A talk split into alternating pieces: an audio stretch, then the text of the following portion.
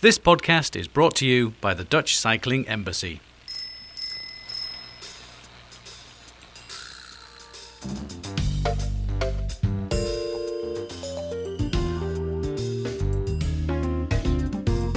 Ladies and gentlemen, welcome to Kloppenburg podcast, which is mainly on the questions how do we keep metropolitan areas accessible in a sustainable way. Uh, today we are broadcasting from Dublin at the World Velo City, and who have we got on the show? I'm Lucy Saunders. I'm the director of Healthy Streets. I developed the Healthy Streets approach. Uh, I was looking at Google and I typed in your name, and uh, I saw a movie on YouTube from you, and I wanted to go directly into the subject that you said something. I want to talk about the most unknown street in London that tourists don't even know the name of the street. And the residents probably won't even know the name of the street. What is the name of that street you were working on? The name of that street is Francis Road. What was the problem? Let's Okay. start off with that. So, the problem in that street is the problem that we have in all of our cities and towns. Um, it's not important for us to just judge a town or a city or a place by what the main street looks like. We should judge a town or a city or a place by what the local streets are like because that's the true test of whether the policymakers and the decision makers are really making a place that's good for people. Uh, what was the problem in that street? So the problem in Francis Road is the same problem that we have everywhere, which is that the street was not designed and managed to make it a great place for people to be in, a good place to grow up and grow old. It was mostly influenced by old fashioned traffic engineering, which meant that most of the street space was actually for parking cars or for moving cars.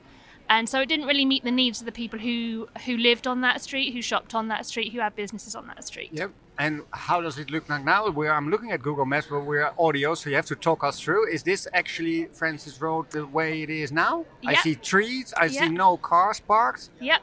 Is- So is that what you realized? Yeah, so this um, this street is really symbolic of taking a different approach. This street now um, is not used predominantly for parking cars. There's time for businesses to have their deliveries. Uh, it still has a bus route that goes through it, but there are traffic restrictions at other times of the day.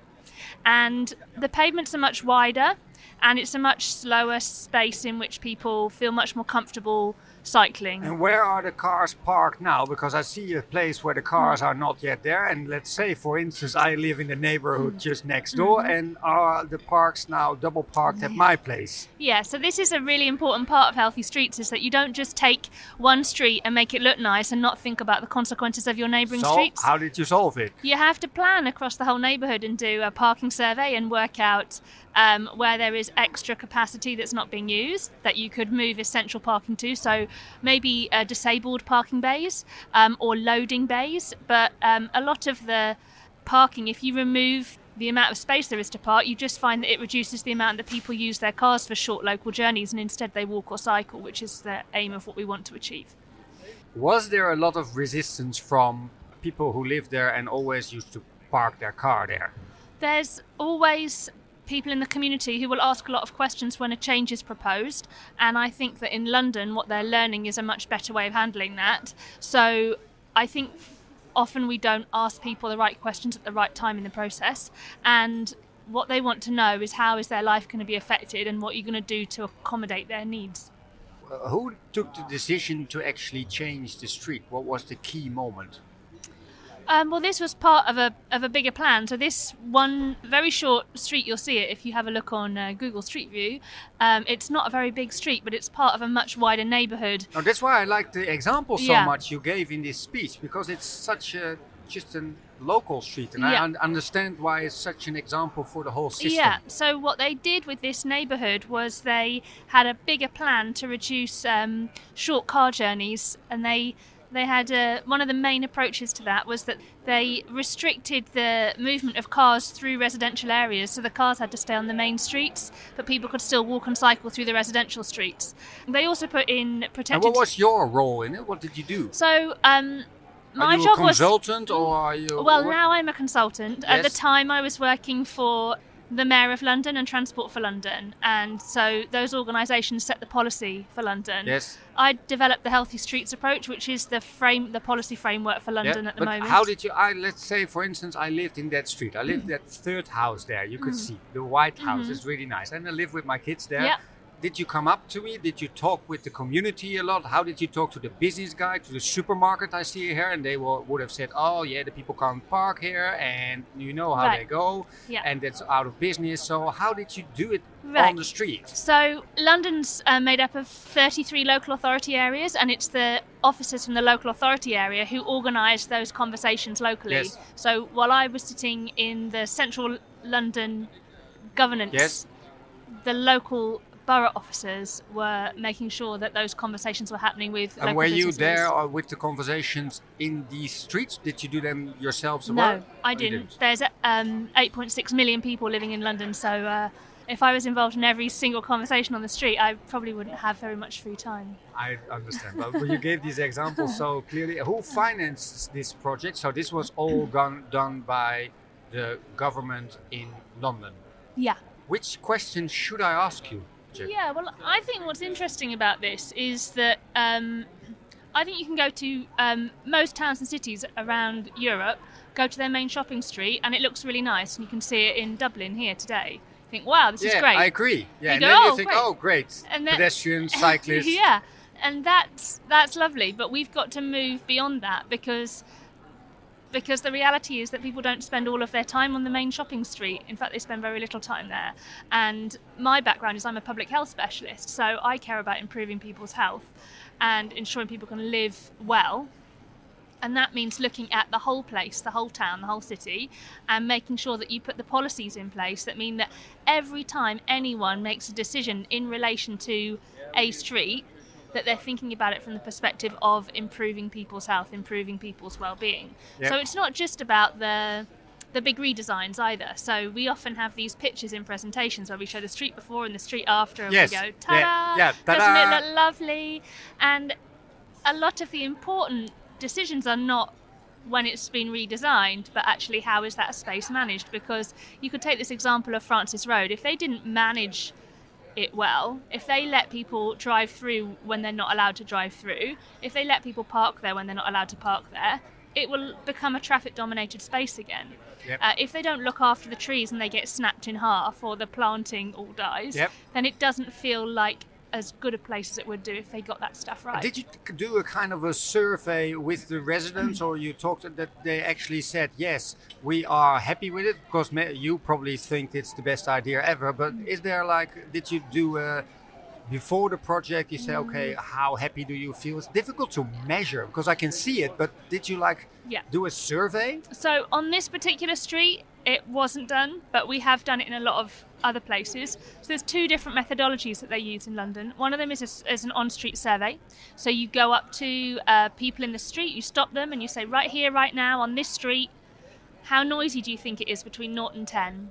How easy would it be for you to sit down if you needed to sit down? Those kinds of questions. Yes. Um, and they can do that before you make a change and after you make a change. And when we've done that, we found the places where we make very little change, where we do very little to reduce traffic dominance, there's almost no change in what people rate the street as. When you make bigger changes, people notice it. But the, the new assessment that's being done in London, which is much more exciting from my perspective, is that they now have um, a group of trained assessors who get sent to random locations across the city and they have to assess a hundred metrics, a hundred specific things about that street in a quantitative way. Yes. And they do this all day, every day, which means that over the course of a year, they cover 1,500 street locations. And they do that every single year. And it builds up this huge picture of how, how our streets compare and all the different And details don't, don't go too fast because you're fully in your English. Uh, Are you actually asking those surveys to people on No. the streets all the time, or do No. you get you send people to the streets with this whole list and they're just ticking the box, or it's on or it is Yeah. not on? So how they- many trees? How many benches? how many yeah. whatever? How many parking plots? How many this? So you're actually, um, it's almost like Google Maps. You can actually.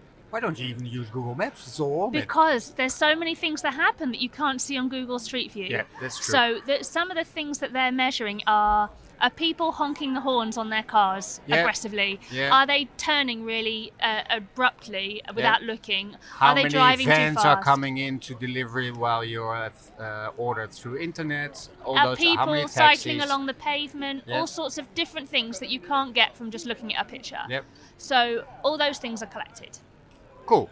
And what is your plan for the next three to six months? Do we see many more of these Francis Road uh, bumping up in London, or have you stopped working on this project? So in London, the policy framework is healthy streets. So every project that comes forward in London Yes. has to have an assessment done on it, uh, a design check, which is called a healthy streets check for designers, and that is where the engineer who designs the street has to assess how their new design performs against the 10 healthy streets indicators. The people should see the smile on your face. Like this is your work. Yeah, and this is important because it means that an engineer's project won't get funded and it won't get delivered if they're not proving that their design is making it a better street for people. And for you, like, is what's your goal or plan for the next six months or, or, or a year? What's on your agenda? Yeah, so now I'm um, still working with some parts of London in delivering healthy streets, but I'm also working with other cities in the UK